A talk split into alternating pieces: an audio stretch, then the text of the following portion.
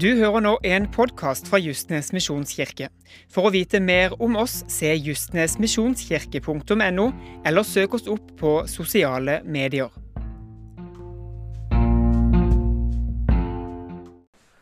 Det har vært påske, og jeg har tenkt litt på at eh, jeg pleier alltid å ja, Jeg veier meg ofte, altså, men jeg pleier alltid å veie meg før påsken, og så veier jeg meg etter påsken. Og så ser jeg hvordan det er gått. Og det gjorde jeg nå òg. Og fasiten var jo opp 1,5 kilo. Så må jeg gå ned det igjen de neste morgen. Sant? Det er det vanlige. Eh, så tenkte jeg litt sånn at eh, Tenk om det heller var sånn at vi la på oss 1,5 kilo åndelig i løpet av påsken. Vet ikke om du kjenner at du har gjort det. Og jeg har vært på eh, flere gudstjenester og hatt flere bønnemøter, og sånn, men jeg kan kanskje kjent litt sånn at jeg synes det, var, det er ikke at ting ikke har vært bra. Det er noe med meg å gjøre, men jeg kanskje ikke opplevd den nerven som jeg hadde håpet. Jeg hadde sånn forventning om at her er det påske. Da skal vi føle mye, kjenne mye, oppleve mye. Og så blir det ikke alltid sånn. Så tror jeg at noen kan kjenne seg igjen i det. Så skulle jeg være sammen med Gud tidligere i dag og be til Han. Kristin tok med seg Olivia til badeland. Så skulle jeg legge lillebror Jakob, og så skulle han sove. Men han ville ikke sove i dag. Og han sovner ofte ganske greit. Så det gikk en halvtime, tok hun opp, og så lekte vi litt. Og så laga han igjen. Nei, nei, nei, jeg greide en halvtime til. Jeg var innom, altså. Slapp av. Eh, så var det opp igjen, og så prøvde jeg en siste gang, og så gikk det ikke. Så jeg var hjemme med han to og en halv time da før Kristine kom hjem igjen. Og hadde håpet at jeg skulle få be til Gud og sammen med han. Men det er ikke like lett å be til Gud og sammen med han når det er masse grining. Det er vi alle enige om som er her inne. Så da røyk den muligheten. Så sitter jeg i bilen på vei opp her, og så prøver jeg jo det som jeg noen, noen ganger gjør. Den russiske ruletten. Ikke med Bibelen, men det var med Spotify. OK, Gud, tal til meg nå, sa jeg. Så var altså første sang som kom på. Det var uh, No One Knows. Da tenkte jeg ja vel. Det var ikke så positivt. Queen of the Stone Age, fin sang, altså. Så ikke galt med det. Tenkte jeg prøver igjen. Trykte på nytt på shuffle. Og da kom tanker til en død ateist av mus. Og da, tenkte jeg nå, nå gir jeg opp. Det her, det her blir ikke bedre uansett. Så jeg er på ingen måte en ateist. Men det er morsomt det noen ganger at vi har en forventning om noe, og så blir det ikke alltid helt sånn som vi hadde forventa. Så det er godt å lese påskens budskap. Det er godt å lese om Thomas. Jeg kunne godt talt om han i dag, men jeg kan gjøre det en annen gang. Men om den tvilen som han kjente på. For jeg tror vi alle kan kjenne oss litt igjen i det.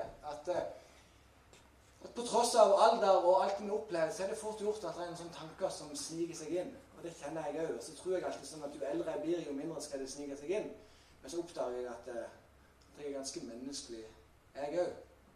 Men så handler jo påsken om det som vi sang til slutt her nå. At vi trenger mer av deg, Jesus. Vi trenger ditt nærvær. Vi trenger å se korset på en ny måte. Vi trenger å se evangeliet på en ny måte. Og jeg håper at jeg skal klare å ta deg med gjennom evangeliet i kveld på en litt annerledes måte enn det du har hørt før. Det er iallfall målet mitt. Og det jeg vil prate litt om, det er rett og slett korsfestelsen og alt sammen gjennom en offiser sine øyne. At Hvis du leser de fire evangeliene, så ser du at det er en offiser som går igjen i de ulike tekstene. Og så kan ikke jeg påstå at det er, den samme offiseren hver gang. Men der med meg i dag, så sier vi at det er den samme offiseren. Og så prøver vi å jobbe godt med kilder, sånn at det skal bli ganske rett. Jeg starter med en tekst fra Matteus 28, vers 45 54. Bevisst vil jeg ikke ha det på veggen, jeg vil bare lese det. Så prøv også bare høre på det som jeg leser nå. Der står det Fra den sjette time, dvs. Si klokka tolv, falt et mørke over hele landet, helt til den niende time. Det er klokka 15. Og ved den niende time ropte Jesus med høy røst Eli, Eli, lama sabachthani. Det betyr Min Gud, min Gud, hvorfor har du forlatt meg? Noen av dem som sto der, hørte det og sa han roper på Elia. Og en av dem løp straks fram, tok en svamp og fylte den med vineddik. Satte den på en stang og ville gi ham å drikke. Men de andre sa, 'Vent, la oss se om Elia kommer for å redde ham.' Men Jesus ropte igjen med høy røst og oppga ånden. Da revnet forhenget i tempelet i to, fra øverst til nederst. Jorden skalv, klippene slo sprekker. Gravene åpnet seg, og kroppene til mange hellige som var sovnet inn, ble reist opp. Etter Jesu oppstandelse gikk de ut av gravene og kom inn i den hellige byen, hvor de viste seg for mange. Men da offiseren og folkene hans, de som holdt vakt over Jesus, så jordskjelvet og det som hendte, ble de grepet av stor frykt og utbrøt. Sannelig, han var Guds sønn. Det som er vitne til i påsken, det skjedde jo for ca. 2000 år siden. Det blir mer og mer 2000 år siden, jo nærmere vi nærmer oss 2030. Vi er jo i Israel, vi er i Romerriket på den tida her. For oss er det ikke så lett å tenke at det, det fantes ikke noe Russland. Altså Plassen fantes, men heter ikke Russland. USA fantes ikke. Et helt annet verdenskart, helt annet verdensbilde enn det som er nå. Det var Romerriket som var det store riket, som ekspanderte, som vokste. Og det var der tingene skjedde. Skulle du få et bra liv i Romerriket, eller skulle du bli noe, skulle du vokse opp på næringskjeden der, da handla det om å bli en soldat. Og var du en god soldat, drepte mange mennesker og klarte å stige på den, på den rangstigen, så kunne du bli offiser, så kunne du komme høyere og høyere opp. Så poenget er jo at skulle du nå langt på denne tida, da måtte du være en god kriger. Var du ikke det, så var du fort dømt til den, den statusen du hadde når du ble født. Og midt i dette, da, så er det jo at Jesus vokser opp. Og midt i dette så finner vi denne offiseren. Han er sannsynligvis, altså sannsynligvis så kommer han fra Italia, og så har han blitt forflytta til Israel. Og så er han der da, som en av de øverste offiserene. Han er i Israel, han vant med at det hele veien skjer noe, det er problemer, det er utfordringer, akkurat som i dag. Masse uro. Sånn var det da òg. Det var sjelden en dag der det var helt rolig i Israel. Det skjedde alltid noe. Og spesielt når det var påske. Da skjedde det ekstra ting. Jesus var på langt nær den første som hadde sagt at han var Messias. At han var den som var sendt for Gud. Det var det ganske mange før han som hadde, som hadde sagt. Kanskje til og med flere hundre, ikke vet jeg. Men du vet at det er ganske mange som sa det. Så folk tenkte jo noe med seg sjøl. Og den offiseren tenkte noe med seg sjøl. At nå igjen er det nok en person som skal påstå at han er Messias og Jesus. Jeg orker det ikke igjen. Der regner jeg med at det var tankene, tankene som, som han fikk når han tenkte på de tingene som var der. Men så var det noen andre rykter som gikk. For Det var ikke bare rykte om at dette var den nye frelseren, den nye Messias. Men han gjorde mirakler. Han kasta ut demoner. Han vekka opp folk ifra de døde. Og det hadde ikke noen av de andre som påsto at de var Messias gjort. De hadde tatt med seg en gjeng, men så døde det ut når vedkommende døde. Men Jesus han gjorde mirakler under og tegn. Det var noe annerledes med denne Jesusen her. Og det fikk selvfølgelig denne offiseren med seg. Vi er i år 30, pluss minus. Og det er da offiseren får beskjed om at han skal gå og arrestere Jesus. På det møtet som er rett før arrestasjonen, så ser jeg for meg at der er Judas òg. Judas' jobb er å peke ut hvem Jesus er. Så de kommer til Getsemanehagen, og rett før de kommer, så ligger Jesus i Getsemanehagen. Og Der møttes han ofte med disiplene. Og Der ligger han, og der ber han til Gud og sier at hvis det er mulig, Gud, så la dette begeret gå meg forbi. Som betyr på norsk at er det mulig for meg, Gud, å slippe, så la meg slippe. Men la ikke min vilje skje, Gud, men la din vilje skje. Og den byrden som Jesus bærer på, det er å bære verdens synd. Det er så krevende at vi leser i Bibelen at han svetter blod. Og Det sier seg sjøl at da er det ganske krevende. Rett etterpå dette så reiser Jesus seg opp. Så går han sammen med disiplene, og så kommer det en hel haug med vakter.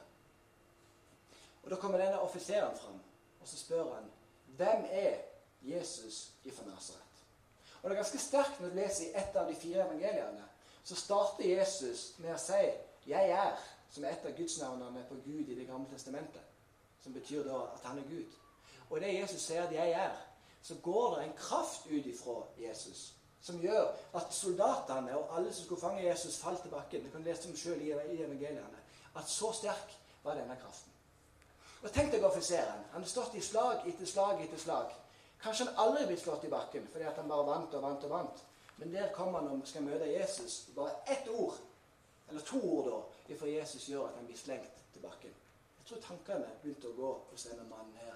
At hvem er denne Jesus? Så han reiser seg opp, offiseren reiser seg opp og så spør han på nytt.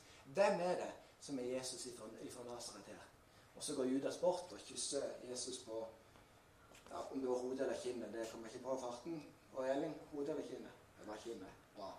Godt å ha liksom eksperten der som kan passe på. Det er fint. Og så blir Jesus tatt med videre. Han blir tatt med til Det høye råd. Er jo, han, er, han ene som er sjefen der, han er så lur at Kaifas heter han, upastepresten. Han samla Det høye råd midt på natten. Det er ca. 70 stykker som er der. Og så er jo målet da at de skal klare oss å ta livet av Jesus.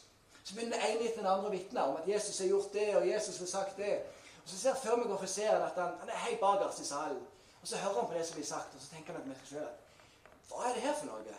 Det stemmer jo ikke det den sier, og det den sier. Og det er jo ingen grunn til at Jesus skal bli dømt til døden for det som han har sagt eller gjort. Dette er litt rart. Og så kommer jo det store spørsmålet der ypperstepresten spør Jesus Er du Messias, Guds sønn? Og så svarer Jesus ordrett Jeg er Guds sønn. Og dere skal få se menneskesønnen sitte ved Faderens høyre hånd og komme i himmelens skyer. Og da reagerer presten med å rive opp den nydelige prestekjolen. Så, det var et tegn på det som er blitt sagt, det er helt på jordet. Og det viste de tydelig da mens de rive opp, opp klærne sine. Og det gjorde den ypperste, presten her. Så sier han det at vi trenger ingen flere vitner. Vi skal dømme Jesus til døden uansett. For han påstår at han er Guds sønn. Han påstår at han er Gud. Og ingen kan påstå det og så få lov til å leve. Etter at dette rådsmøtet er slutt, tidlig da neste morgen, så tar de med seg Jesus til Pontus Pilatus. Det er han som er makta til å ta livet av Jesus. Han kan si ja, ta korsfest Jesus, gjør det dere vil. Det er greit for meg. Og så får de lov til å gjøre det. Pontus Pilatus han hører jo alle anklagene om Jesus. Og han hører igjennom. dette stemmer jo ikke. Han har jo bare gjort godt. Han er bare vårt godt menneske. Han har ikke gjort noe galt. Og allikevel så vil dere at jeg skal ta livet av ham. Så spør Pilatus Jesus er du jødenes konge. Og Da gir Jesus et litt rart svar. Jeg vet ikke om jeg kan svare akkurat sånn. Jesus svarer at mitt rike er ikke av denne verden. Hadde mitt rike vært av denne verden, så hadde mine tjenere strikt for meg, så jeg ikke skulle overgis til jødene. Men nå er ikke mitt rike av denne verden. Så tenker nok Pilatus ja, hva betyr dette? La meg stille et spørsmål til. Er du da konge? spør Pilatus. Ja, jeg er konge, sier Jesus da. Og jeg kommer for å vitne om sannheten. Og så er det sånn kjent ord eller setning som Pilatus stiller, at ja, men hva er sannhet? Så kommer det nødvendigvis ikke noe svar akkurat på det. Men Pilatus merker at det er ikke noe galt med Jesus. Men jeg ser jo at kona til Pilatus har vonde drømmer og et mareritt denne natta være, som gjør at Pilatus har ikke lyst til å dømme Jesus til døden. Så Pilatus tenker med seg sjøl at, at, det holder nok med å Kan vi ikke bare piske han, og så kan vi sette han fri? La oss gjøre det, og så er det nok så hadde de òg en skikk på denne, denne tida her, at når det var påske Hver påske så slapp de fri en forbryter. Og Pilatus tenkte nok at hvis jeg sier at det, at det enten er Barabas eller Jesus Alle vet at Barbas er en morder, en forferdelig mann. Han har gjort så mye dumt. Hvis jeg sier at vi heller tar han istedenfor Jesus, da må det jo være enkelt. Så Pilatus han spiller kortet sitt. At eh, hvem vil dere skal slippe fri? Jesus eller Barabas? Og han venter jo med seg sjøl. Selv. Selvfølgelig vil de at Jesus skal gå fri, for Jesus var en bra mann. Men da begynner hele folkemengden å rope at vi vil at Barabas skal bli fri. Så ser jeg for meg Barabas. Tenk deg det, at du er langt inne, sannsynligvis da, i en mørk holde, i en grotte. Du vet med deg sjøl at du skal dø, og at du skal bli korsfesta samme dag for det du har gjort. Og plutselig så kommer der inn La oss si det var offiseren som kom inn. Så sier han til Barabas at du, du trenger ikke bli korsfesta i dag. Det er en annen som, som skal dø istedenfor deg. Hvordan tror du Barabas hadde reagert, og hvordan tror du du hadde reagert hvis du var Barabas? Jeg syns personlig er en av de sterkeste historiene i hele evangeliene når du leser om, om Barabas. Og bang, der ble, han, der, der ble han fri. Han fikk en ny sjanse. Men sånn var det. De tok Deretter så tar de med seg Jesus for å så piske ham. Og Dette var jo vanlig på den tida at de piska de fangene som var der. Og den piskinga, da den, han, han, sier det at eh, Ta med den romerske pisken, som da kaltes den nihalede katt. Og det var fordi at det på en måte var ni, eh, ni katteklør på denne pisken. Og Det fungerer jo sånn at, den, at når du pisker med den, så fester den seg i kroppen, og så sitter den fast.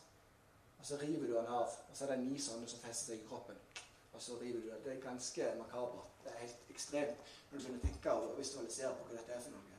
Men han tar denne pisken, da. Og så begynner han å piske Jesus. Og Det offisielle merket som er spesielt, som en ikke er vant med, det er at når han begynner å piske Jesus, så skriker ikke Jesus og lager masse lyder. Han tar imot slagene som kommer. Han tar imot slagene for deg, han tar imot slagene for meg. Slag etter slag etter slag. Og hvis han skjønner ikke helt hva er det som skjer med denne Jesus. Hvorfor skriker han ikke sånn som alle andre pleier å gjøre? Hvorfor lager han ikke noe lyd? Så jeg ser nesten for meg det er omtrent som om at djevelen går inn i offiseren og bestemmer seg for nei, jeg vil ta ei tornekrone på hodet hans så vil jeg presse den så langt ned i hjernen som jeg kan gjøre, så, så vil det kanskje skape mer smerte. Så han setter på en tornekrone og presser den ned. Men nok en gang så lager ikke Jesus noen lyd. Men det ser at etter piskinga så slår de Jesus med et rør. Men nok en gang så sier ikke Jesus noe. Og Da finner offiseren ut at, at ok, nytter ikke med, med, med, makt her. La meg heller gå over til å til å narre Ikke narre Jesus, men til, men til å si Jeg skal bare se her Kan jeg ikke bare da gå, til forakt, er det ordet som jeg er på jakt etter. Så da kler de Jesus i en rød purpurkappe, som da var tegnet eller symbolet på skammens kappe på den tida der. Og så sier de til ham, du som er jødenes konge, du som er Guds sønn, kan du ikke bare få alle englene i himmelen f.eks. til å komme ned og redde deg da, i det hele tatt? Jeg tror ikke du er konge på noen måte. Men nok en gang så lager ikke Jesus noen lyd når, når dette blir gjort. Jesus føres ut. Jeg leser at Pilatus vasker hendene sine som et symbol på at han ikke vil noe med dette å gjøre. Ta med dere Jesus. Gjør det dere vil med Jesus, men jeg har ikke lyst til å svare, og være med på dette. Jeg tror at vi dømmer en uskyldig mann her. Og da tar jo de andre skylda på seg.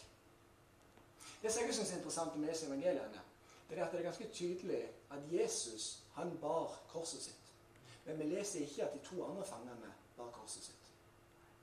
Hvis du leser litt på dette, så kan det være et symbol på at de ønsker å vise de andre, eller å vise fangene generelt, en siste form for nåde før de skulle tortureres og henges på korset og dø på korset. Men jeg ser for meg denne offiseren. Han ville ikke vise Jesus denne nåden. på det. Han ville ikke det. Han ville knekke Jesus. Han ville knekke denne mannen der. Fordi at han ville vise at han var bedre enn Jesus. Så Jesus må rett og slett ta og så bære korset sitt sjøl oppover. Han bærer korset på det som vi kaller for via, via dolorosa, som er smertens og lidelsens vei, betyr det. Og der bærer Jesus korset. Og det er tungt for ham. Og det er så tungt at til slutt så bare faller Jesus sammen, og så klarer han ikke å bære korset lenger. Det stopper helt opp. Og da er det en som heter Simon, som blir tatt ut av folkemengden, som blir bedt om å bære korset sammen med Jesus opp til Golgata. Og korset blir båret opp til Golgata, som òg på norsk da har jeg lest heter Hodeskallestedet, hvis du lurer på det. Og det er mange kvinner som hører skrådene bak Jesus. De griner bak Jesus, og Jesus snur seg, og så sier han til dem at ikke, grø, ikke gråt over meg. Ikke tenk på det. Det ordner seg. For at Jesus vet at han skal vinne en evig seier. Jesus vet at når han henger på korset, når han dør, når han står opp igjen den tredje dagen, da han vunnet en evig seier. Folk har hørt at det blir sagt at det er dette som skal skje, men så er vi bare mennesker at det er vanskelig for oss å tro at dette skal skje. For det er ikke vanlig i det hele tatt at noen skal stå opp igjen ifra de døde. Jeg føler meg at det er et lite stikk av sympati som går inn i gjennom offiseren når han ser at Jesus snur seg mot kvinnene og sier at det ikke gråt over meg. Det ordner seg. Da kan jeg se for meg at offiseren begynner å tenke at hva er det som skjer? Og så blir han kanskje fullt med medfølelse. Han bærer korset sammen med Simon opp til Golgata. Så vet offiseren at når en skal spigre Jesus fast til korset, da kommer han til å lage mye lyd. Da kommer han til å stritte imot, for det gjør alle. Det med de tøffeste av de tøffe de stritter imot i det de skal bli korsfesta. Men Jesus han legger seg ned på korset. Jeg tror ikke vi må dra ut armene hans, sånn som vi gjør med alle andre.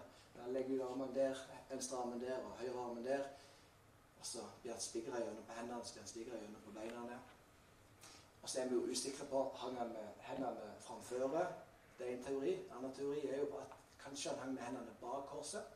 Gjør du det, så har iallfall jeg hørt og lest at da tar det lengre tid før du dør. Det blir mer smerte, det blir mer lidelse. Det er bare sånn sidetanke som jeg kan dele her. At, men, i, men i store sett så henger han jo med hendene framfor korset. Men kanskje han hang med, hendene, med hendene bak korset. Han blir spigra fast. Så tenker nok offiseren med seg sjøl hvorfor lager han ikke noe lyd? Så leser vi jo i Det gamle testamentet at Jesus ble ført fram som et lam føres fram til, når det føres fram til slakting. At en ikke lager noen lyd akkurat der og da. Og det gjorde ikke Jesus. Så vet offiseren med seg sjøl at ok, det er smerte å slå gjennom hendene, smerte å slå gjennom beinene, men det er heisekorset, og all vekt kommer på feil måte på sånn som han hengt opp, da vil det gjøre Jesus han blir heist opp. Så kommer korset ned da, i det sporet som det skal være i. Og Jesus han henger, han henger på korset. Han sier ikke så mye. Da viser klokka ni på soluret. Og Jesus henger på korset i tre timer uten å lage noen form for, noen for lyd. Men klokka tolv så skjer det noe. Hele Jerusalem kles i mørket. Bare så fører dere det, at dette har skjedd her. Oppe på en omvendte båt for å gjøre det enda mer nært. ikke sant? Og plutselig blir det mørkt overalt. Klokka tolv. Jeg tror vi hadde reagert alle sammen. Hva er det som skjer nå? Sånn det plutselig er begmørkt over her. Og da kan jeg se for meg at det skjer noe i offiserens sjel. Det begynner å bli mørkt. og sånn her. Begynner å tenke meg selv, at Hva er det jeg er på vei til å gjøre? Jeg tenker på kraften i Getsemane som gjorde at han falt i bakken. Han tenker på at kan det være at Jesus er Guds sønn? Han tenker på piskinga. Alle slagene han fikk uten å si eller gjøre noe. Han tenker på korset. Kan dette være Guds sønn? Jeg tror jeg tenker på blikket som han har fått av Jesus hele dagen, et blikk av kjærlighet Ikke sånn at Jesus sier dette er greit, jeg tror ikke det var akkurat sånn, men likevel så tror jeg han er blitt møtt av et blikk som var sånn at Jeg elsker deg på tross av alt det som du gjør imot meg. Og Plutselig så hører han det som teksten sier innledningsvis. At min Gud, min Gud, hvorfor har du forlatt meg? Og tenk deg Jesus, som alltid har hatt tilgang til Gud, at plutselig så opplever han at Gud har forlatt ham. Og så er dette et svært teologisk evne som ikke skal inn på akkurat nå. Hva betyr det? Men kanskje det betyr at på en eller annen måte så klarer ikke Gud å se på dette, og så snudde han ryggen en periode, og så følte Jesus at han var alene. Jeg skal ikke inn på alle teoriene som finnes på dette. Men Jesus kjenner iallfall at jeg er alene. Gud er ikke så nær som han pleier å være. Timene går. Det er en kamp, og Jesus han vrir seg på korset. Han venter bare på at han skal dø. Og han lir og lider for meg og for deg. Plutselig så hører offiseren en merkelig samtale. For det henger jo to røvere, røvere ved siden av Jesus. Den ene røveren begynner å bare håne Jesus og si at 'Er du Guds sønn?' Så be Gud om å redde deg. Vis at du er Guds sønn. Mens den andre røveren velger en annen taktikk som var mye lurere. Sier det at 'Jesus, husk på meg når du kommer inn i ditt rike'. Og Jesus snur seg imot ham og sier at 'sannelig, sannelig sier jeg deg, i dag skal du få lov til å være med meg inn i paradis'. Og Det er jo et av de ypperste symbolene eller historiene, tenker jeg, på nåde. At han hadde ikke fortjent det på noen måte. Sannsynligvis var han en morder. Men det er ett sekund så snur alt. Han innså at han var synder. Han innså at han hadde gjort mange feil. Og så sier Jesus det er greit. Jeg tar det på meg. Du er mer enn god nok. Så får han lov til å komme inn i himmelriket. Offiseren tenker med seg sjøl at dette må jo være en hellig og rettferdig mann. Plutselig så roper han. Plutselig roper Jesus. Jeg tørster. Offiseren sier at gi ham noe å drikke. Og så roper Jesus ikke så lenge etterpå at Fader, i dine hender så overgir jeg min ånd. Og så samler han de siste kreftene som han har. Det er den viktigste setningen som betyr mest for alle oss som er inne. Alle som tror på Jesus. At han roper ut, skal ikke rope akkurat når det passer seg ikke, men han roper ut at det er fullbrakt. Og så dør han på korset. Og I samme øyeblikk så ser offiseren at lyset kommer tilbake. Han ser at jorda begynner å skjelve. Han ser at klippene revnes. Han ser at gravene åpnes. Hva Tenk deg det. altså du, det åpnes graven, så kommer det ut noen, noen hellige folk som bare begynner å gå rundt i byen. Det er ganske rart, det. Det er jo litt sånn uh, Hva heter det? der? dead Man Walking, eller hva det er for noe. Walking Dead, det er kan ikke sitte der greiene. Men, men ganske sånn absurd at hvis vi noen begynner å tenke over bibeltekstene og, og prøve å se det før oss Et lass av mennesker kommer ut fra gravene. Det er klart at det må være noe med denne mannen her. For dette er jo sprøtt. Og så ser offiseren den korsfesta Jesus på korset. Og så leser vi det som vi har lest i teksten. At offiseren stuper ned på knærne sine. Og så sier han at sannelig, sannelig, denne mannen her, han var Guds sønn. Så i løpet av i løpet av ett døgn så har offiseren gått ifra å være en som med glede vil ta livet av Jesus, til å ha hatt opplevelser hele dagen som gjør at han bare forstår at Jesus, han må være Guds sønn. Han må være den som er Messias, frelseren, den salvede. Den som vi alle har venta på at skal komme. Og dette var mitt budskap i dag. Det er et langfredagbudskap. Men siden vi ikke hadde gudstjeneste på langfredag, så hadde jeg lyst til å ha langfredagbudskap i dag. For det er ikke alltid vi tenker så mye over hva Jesus egentlig gjorde, og hva han gikk igjennom for oss. Men så vet vi at første påskedag, da står han opp igjen. Da vant han en evig seier. Da sitter engelen på graven. Og en artig ting engelen gjør, han åpner opp porten og så bare for å vise hvem han er og hvor sterk han er. kanskje, Så seg på graven. En fin ting å gjøre. Så sitter han der og sier at Jesus, han er ikke lenger her. Han er oppstått. Og så skjønner disiplene etter hvert at ja, Jesus han har vunnet en evig seier. Og tenk at når vi tror på dette, da har vi evig liv. Og Det syns jeg er så fantastisk å tenke på.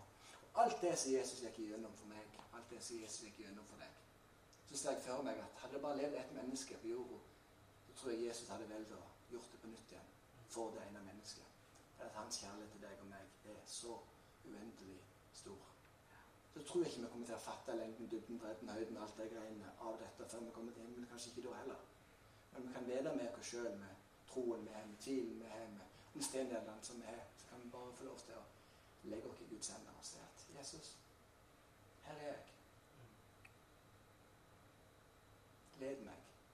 La meg få være, få være et forbilde, en av betydning for andre mennesker. Så tror jeg at vi kan få lov til å oppleve å være det. Du har nå hørt en podkast fra Justnes misjonskirke. For å vite mer om oss, se justnesmisjonskirke.no, eller søk oss opp på sosiale medier.